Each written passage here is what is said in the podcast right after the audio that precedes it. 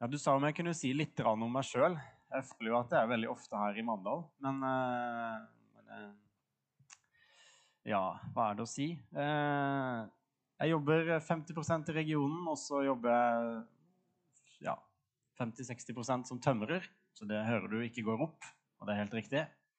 Det går ikke opp. Men jeg gjør nå det. Og jeg har gjort det i en del år nå. Syv år nå. Gift med Anna, tre barn, bor i Grimstad. Ja. Var det greit? Ja.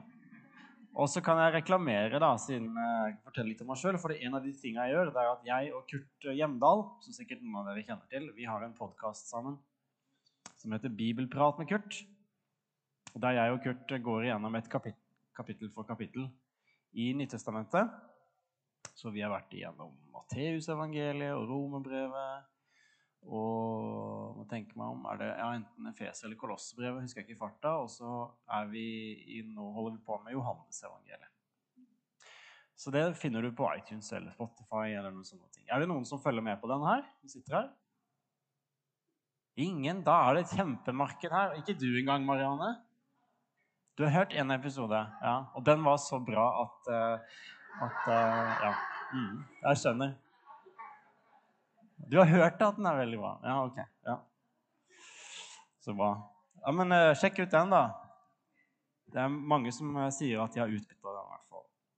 Hver episode varer ca. Sånn 20-25 minutter.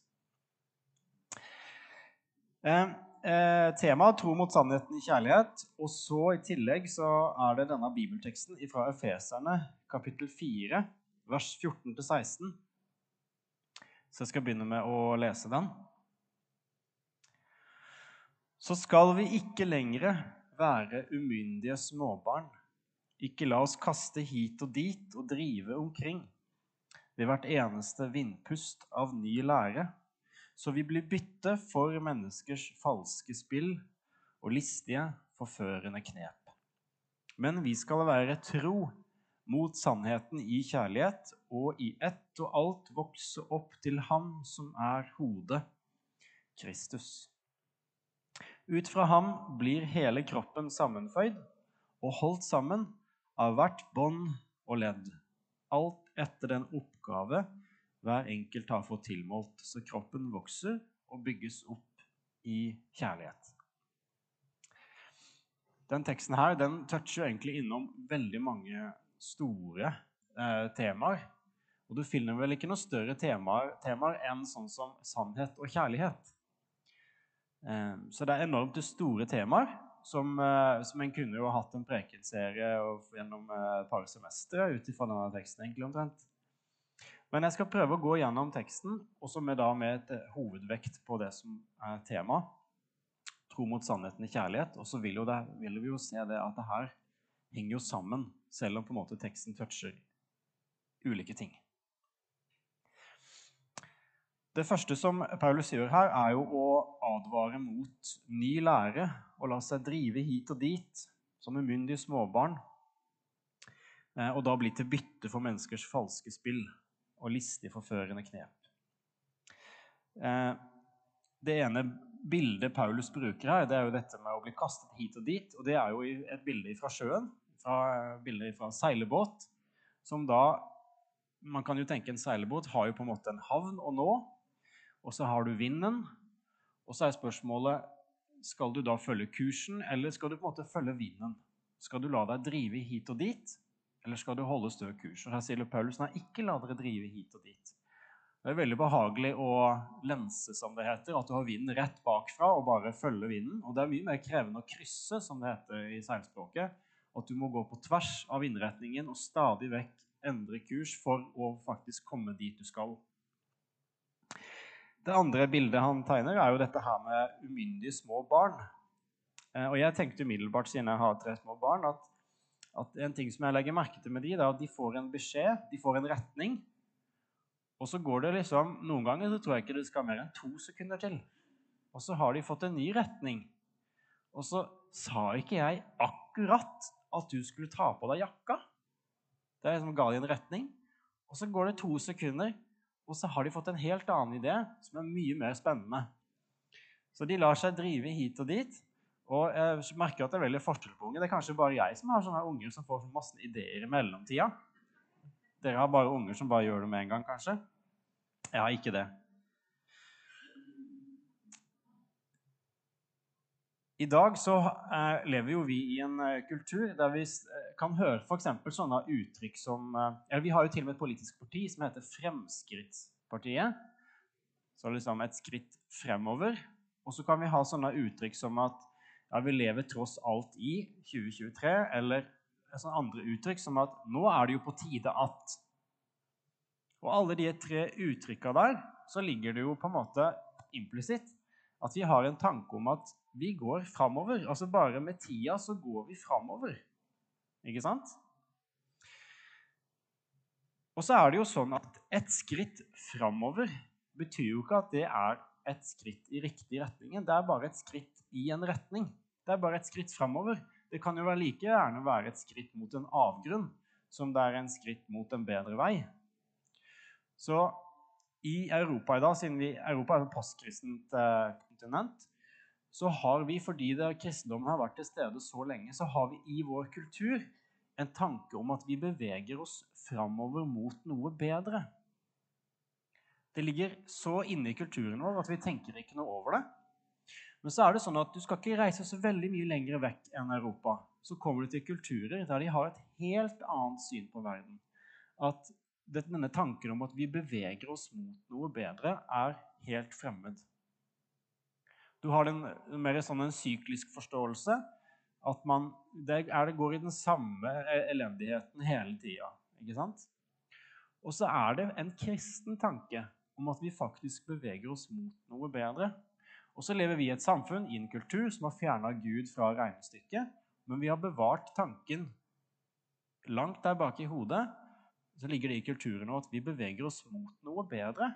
Og Derfor så har vi sånne uttrykk som ja, 'Nå er det jo på tide at' eller 'Nå lever vi tross alt i' eller osv. Eller bare dette ordet 'fremskritt'. Ja, mot hva da? Og På den måten så kan folk argumentere for at når det kommer en ny lære, så tenker man da automatisk at den er bedre enn en gammel. Ser dere linken mellom det første jeg sa og det jeg sa nå? Vi, vi, har en tanke om at ja, med tida så beveger vi oss bedre. Med tida så lærer vi nye ting, og så blir vi Og da kommer vi inn på dette, den store forskjellen, forskjellen mellom kunnskap og visdom.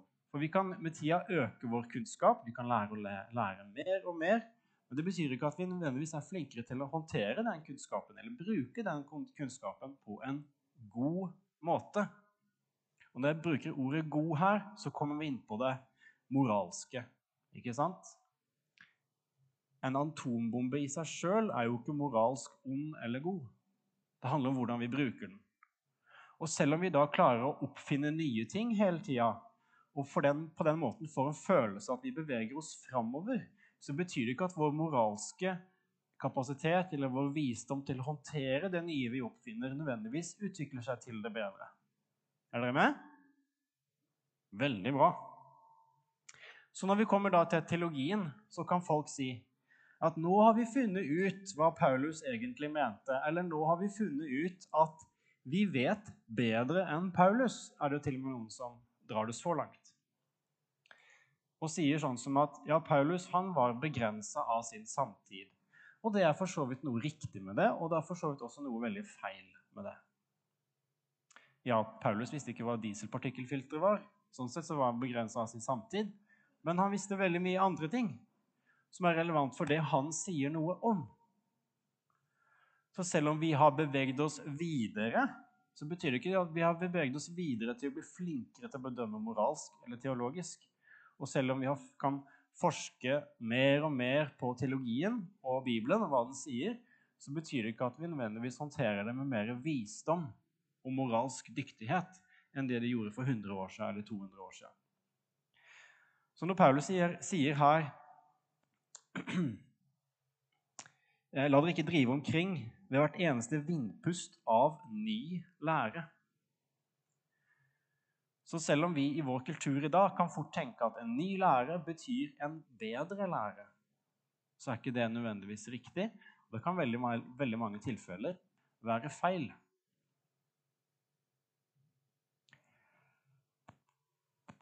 Derfor så tenker jeg at som kristne så kan vi godt ha sånn et basic instinkt, altså en grunnleggende instinkt, at en ny lære ofte er en dårlig lære.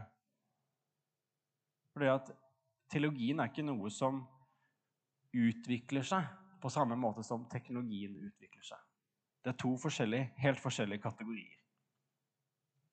Vi har fått en kompasskurs, denne seilbåten. Vi har fått en retning. Vi har fått det apostoliske vitnesbyrdet. Som er, det er vår kompasskurs. Og den er ikke oppe til diskusjon. Den er ikke offer for nye fremskritt osv. Nå skal dere høre noen veldig kraftige ord av evangelisten Johannes i 1. Johannes brev, vers 4 Eh, nei, kapittel 4, vers 6. Kapittel 4, vers 6. Og det er sånn at De er så kraftige at vi kan nesten Står det virkelig i Bibelen? Det gjør faktisk det. Du kan høre.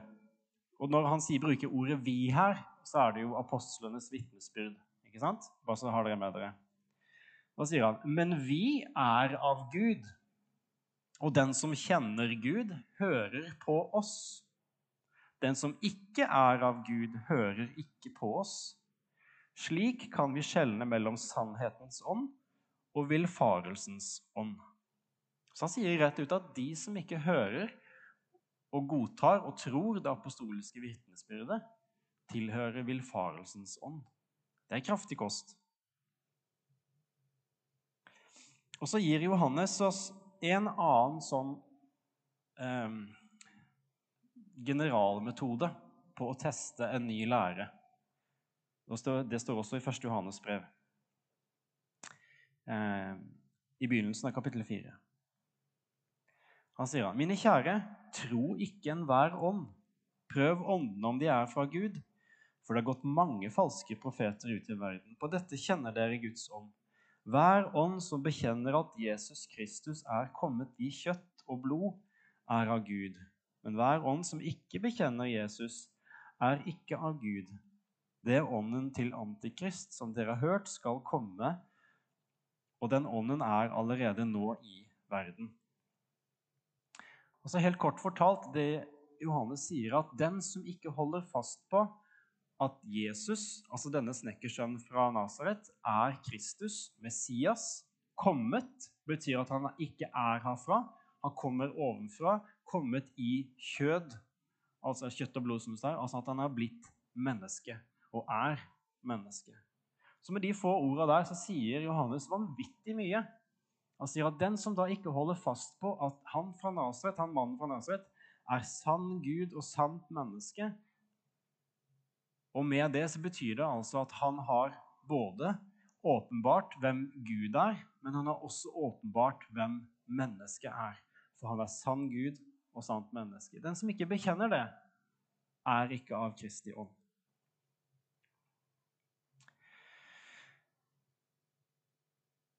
Det var om det første verset. Så skal vi ikke da lenger være myndige småbarn og ikke la oss kaste hit og dit og drive omkring av hvert eneste vindpust av ny lære, så vi blir bytte for menneskers, menneskers falske spill og listige og forførende knep. Og Så kommer vi til vers 15 men vi skal være tro mot sannheten i kjærlighet og i ett og alt vokse opp til Han som er hodet, Kristus. Og det skulle si noe om hva betyr det å være tro mot sannheten i kjærlighet. I et samfunn som ikke vet hva noen av delene er. For det gjør vi faktisk. Vi lever faktisk i et samfunn som ikke vet hva verken sannhet er, eller hva kjærlighet er. Og det jeg mener med det, det er det at For vi tror at det er faktisk dette åpenbarte ordet som kan fortelle oss hva sannhet og kjærlighet er. Og det som ikke går, det som går på, på tvers, eller som ikke passer inn med Bibelens definisjon av sannhet og kjærlighet, har trådt feil.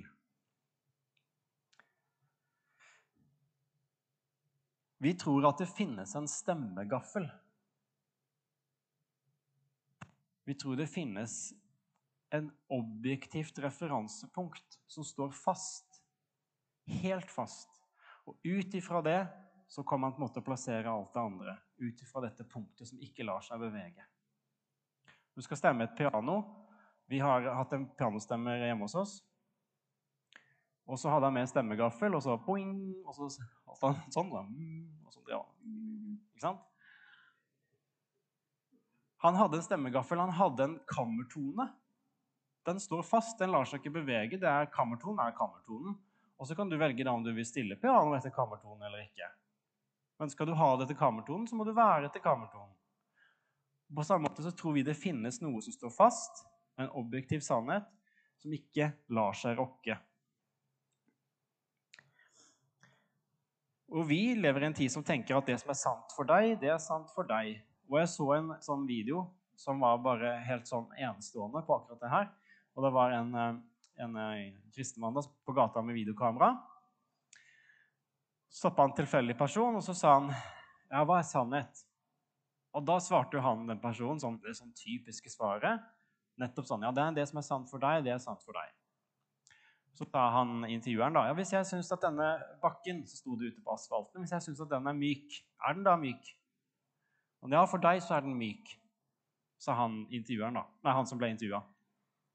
Og sånn, ja, men hvis jeg går opp i tredje etasje og hopper ut, vil jeg da erfare bakken som myk? Og da så du liksom det krølla seg helt i topplokket på han. Var, nei, nei, nei, nei. Du, du, vil jo ikke det. Du vil jo oppleve den som hard. Ja, så er den da hard. Uh, og da sto han helt fast, han som ble intervjua. Der ser du på en måte hvor kortslutta den tanken er om at det som er sant for deg, er sant for deg. Som kristne så tror vi at, at sannheten har fått et ansikt. Altså, det har blitt åpenbart. Og den som har dette ansiktet, det er Jesus Kristus. Og denne boka, det er vitnesbyrdet, det troverdige vitnesbyrdet om hvordan han så ut. Jesus han sier det ganske klart. Jeg er veien, sannheten og livet. Ingen kommer til Faderen uten ved meg.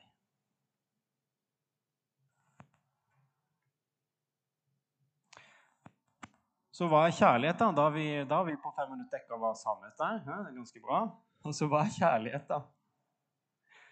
For, for, å kunne si noe om hva det vil si å være tro mot sannheten i kjærlighet, så må vi jo si noe om hva det er for noe først. Og der så lever vi igjen en tid der kjærligheten først og fremst er assosiert med følelser. Eller at kjærlighet først og fremst er en følelse. Men som kristne så tror vi at kjærligheten har en, en kilde, et opphav, et referansepunkt, en stemmegaffel. Også der. Vi tror at det finnes noe, et urbilde av hva kjærlighet er for noe. Og igjen i Jesus så har denne kjærligheten fått et ansikt, fått kropp. Bibelen sier det at kjærlighet Nei, unnskyld. At kjærlighet, jo, at kjærlighet først og fremst Hva kjærlighet er, først og fremst ble åpenbart når Jesus dør på korset. Det sier Igjen er vi i 1. Johannesbrev, kapittel 4, vers 10. Ja, dette er kjærligheten. Ikke at vi har elsket Gud, men at Han elsket oss og sendte sin sønn til soning for våre synder. Altså det evangelisten Johannes sier, at, at det beste eksempelet Hvis du skal lure på hva kjærlighet er for noe, hvis du skal prøve å få tak på det Det beste eksempelet vi har, det er når Jesus gir sitt liv for oss. Altså at kjærlighet først og fremst er å frivillig miste sitt liv for noen andre. Og Derfor står det jo et annet sted at ingen har større kjærlighet enn den som gir sitt liv for sine venner. ikke sant? Det er det vi som kristne tror om kjærlighet. Hva kjærlighet er? Jo, det er først og fremst å frivillig miste seg selv for at noen andre skal vinne livet. Og videre ut ifra Nytestamentet det sies mye om kjærlighet, så kan vi dra noen konklusjoner om hva det bibelske synet på kjærlighet er. Og Det ene er det at kjærlighet første jeg sa, at det først og fremst handler om å frivillig miste sitt liv for at andre skal vinne det. Det neste det er at kjærligheten alltid står trofast under sannheten. Jeg skal forklare hva jeg mener med det.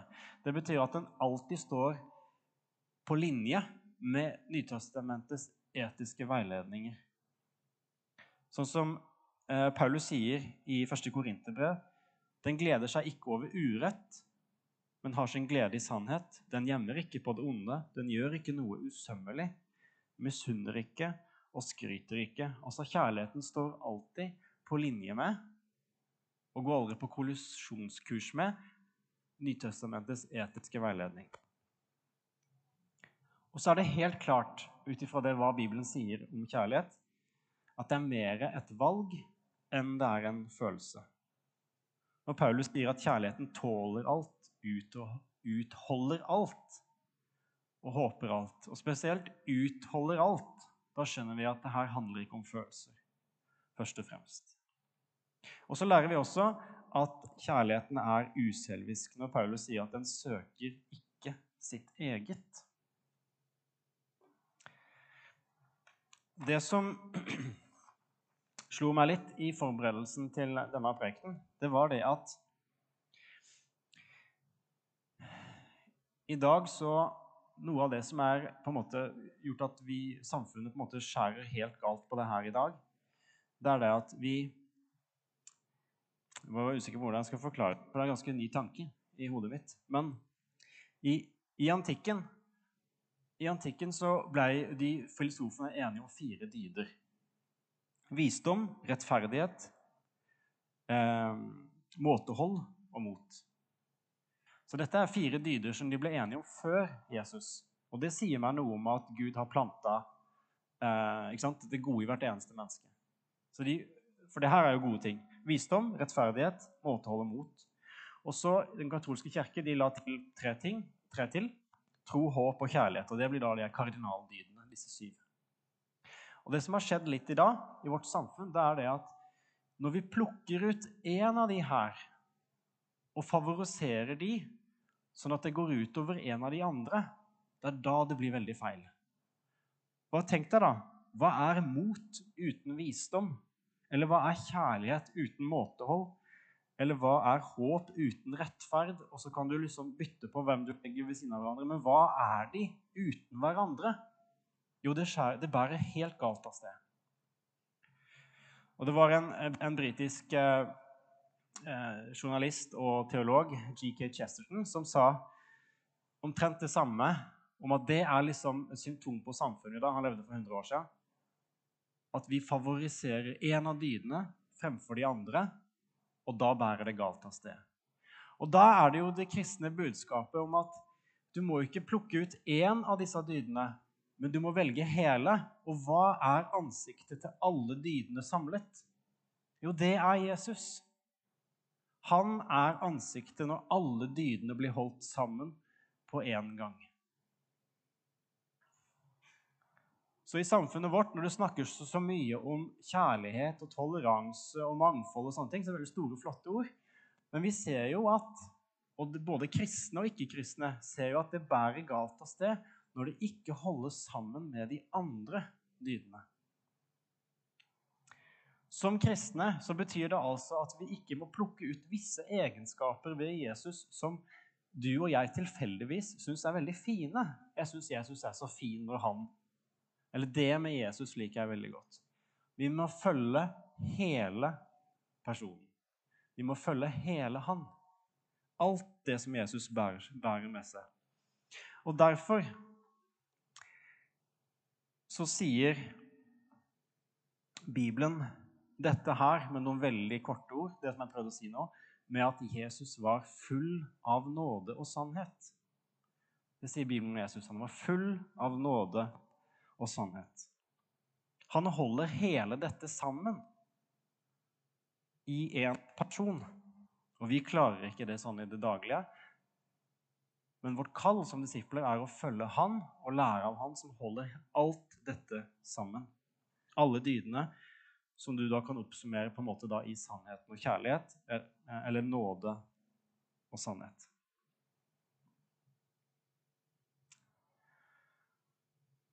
Så hva betyr det da å være tro mot sannheten i kjærlighet? Jo, det handler om hvordan vi holder fast. Hvordan vi holder fast på sannheten. Det handler om hvordan vi formidler sannheten. Og det var jo det, det her lille musedramastykket viste. ikke sant? Det handler om hvordan du leverer budskapet. Hvordan du sier det. Hvordan du rettleder, formaner og formidler. Og Vi kan av og til tenke sånn at målet helliger middelet. Dere kjenner det uttrykket? Målet helliger middelet. Men det er ikke en kristen tankegang. Det er ikke en kristen tankegang. I kristen tankegang så er det superviktig hvordan vi når målet. Hvordan vi bruker middelet. Jesus vasker disiplenes føtter og så sier at nå har jeg gitt dere et forbilde. Dette er hvordan dere skal vinne verden. Ikke sant? Dere skal ikke vinne verden ved å bruke slu knep og, og vrenge ord og være lure, altså, og, og lure og sånne ting. Men dette er måten dere skal vinne verden på. Jeg har gitt et eksempel. Så det kan vi altså konkludere med at poenget her med å formidle sannheten i kjærlighet, det er at du kan, ikke oppsummere med å si at du skal formidle sannheten med Kristi sinnelag. Med hele Han tatt med i betraktninga. Ikke plukke ut biter, ikke plukke ut noen ting vi syns er fint, men med hele Han, med hele Kristi sinnelag, og så formidle sannheten. Og Når vi sier at Jesus er full av nåde og sannhet, så snakker vi ikke om at han da er en slags kompromiss. Ikke sant? En kompromiss mellom nåde og sannhet. Nei, han er full av begge deler. Hans nåde sier ikke Det er greit. Det er ikke så nøye. Vi legger det bak oss. Jeg er i det rause hjørnet i dag. Det er ikke sånn Hans nåde snakker. Nei, han sier, 'Du er tilgitt. Synden er sona skylden betalt med mitt eget blod. Og i det siste jeg sa der nå, så hører dere hvordan sannheten og kjærligheten holdes sammen. Korset, når Jesus dør på korset, det er det stedet der sannheten og kjærligheten holdes sammen. Der mye mer enn noe annet sted.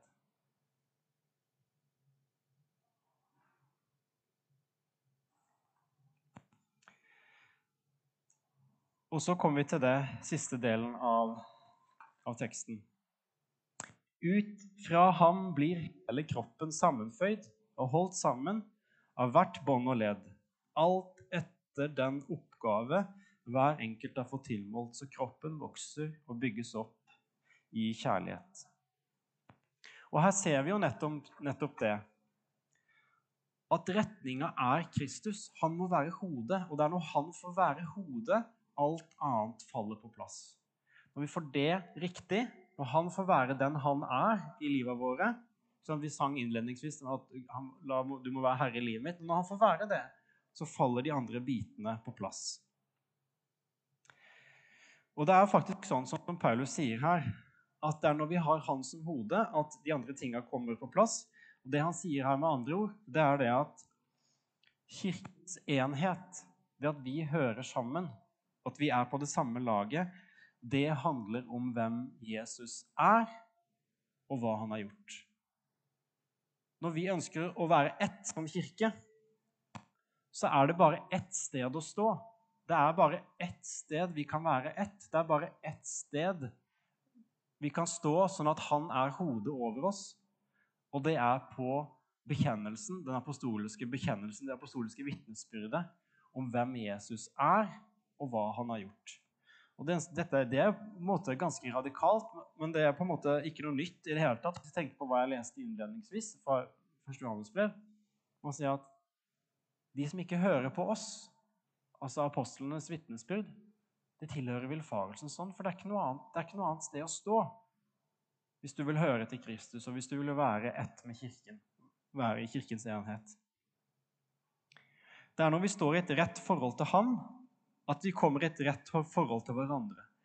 Og det er når vi går mot det samme målet, altså hodet, Kristus, vi samarbeider best og bygger opp hverandre.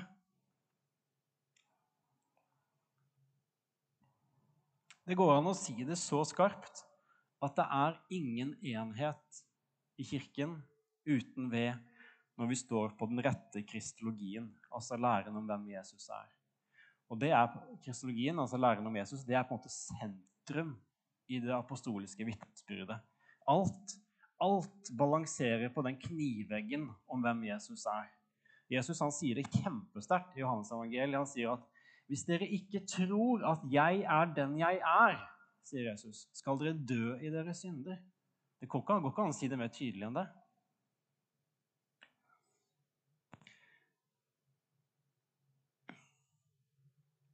Så det handler om hvem Jesus er, og så handler det om hva han har gjort. Og hva er det han har gjort? Jo, han har gitt oss mulighet for syndenes tilgivelse. Og igjen fra 1. Johannes brev, for det var veldig artige overlappinger mellom 1. Johannes brev og Efesbrevet her.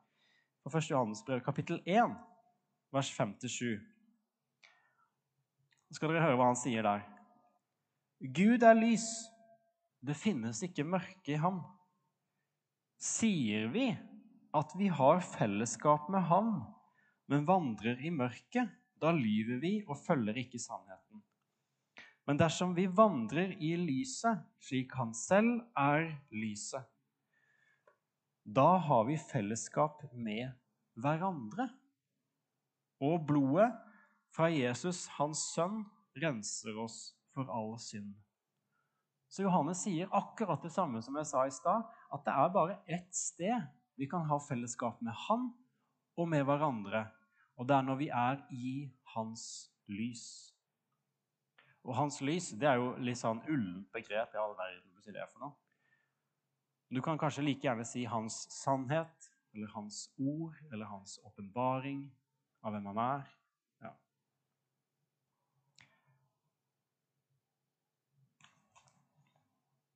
Men dersom vi vandrer i lyset slik han selv er i lyset, da har vi fellesskap med hverandre. Bare da, som kristne. Og blodet fra Jesus, hans sønn, renser oss for all synd. Teksten i dag så formaner Paulus oss til å holde fast og være trofaste mot det vi har blitt overlevert det apostoliske vitnesbyrdet om hvem Jesus er, og hva han har gjort. Og når vi holder fast på det budskapet, når vi holder fast på denne åpenbaringa, og når vi hjelper hverandre til å holde fast på den åpenbaringa av hvem Jesus er, og det han har gjort, så gjør det med Kristi sinnelag. Gjør det full av kjærlighet.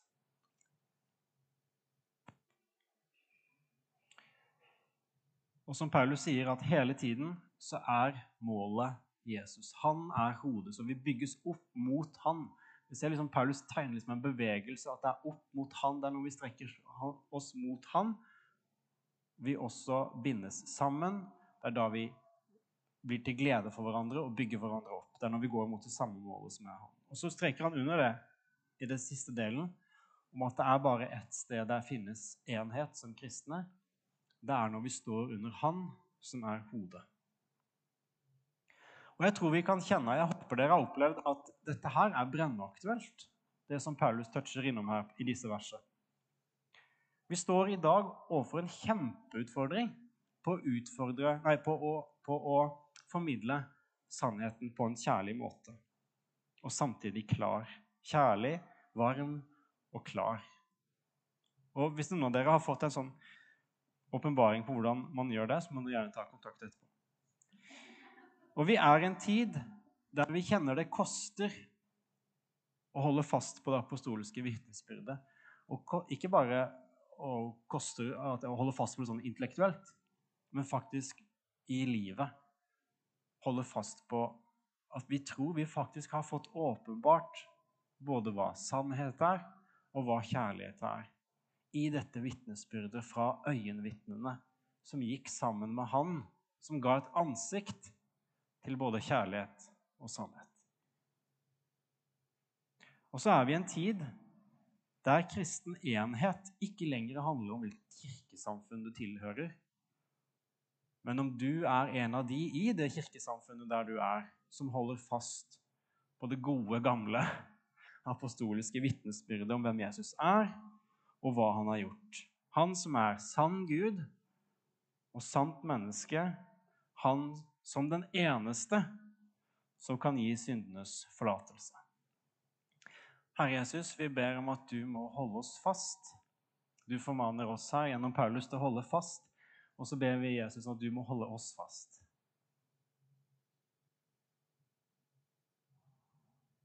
For det trenger vi, Jesus. Må du, Helligånd, komme til hver og en av oss og vise for hver og en av oss hvordan dette her treffer våre liv. Og ikke la noen av oss Jesus i dag gå ut her og tenke at nei, men dette angår ikke meg. Jeg ber Jesus om at du må komme til hver en av oss og si oss det vi trenger å høre, for å ta ditt ord til oss. Og la det få plass i både armer og bein og hjerte og hode og hele pakka. Amen.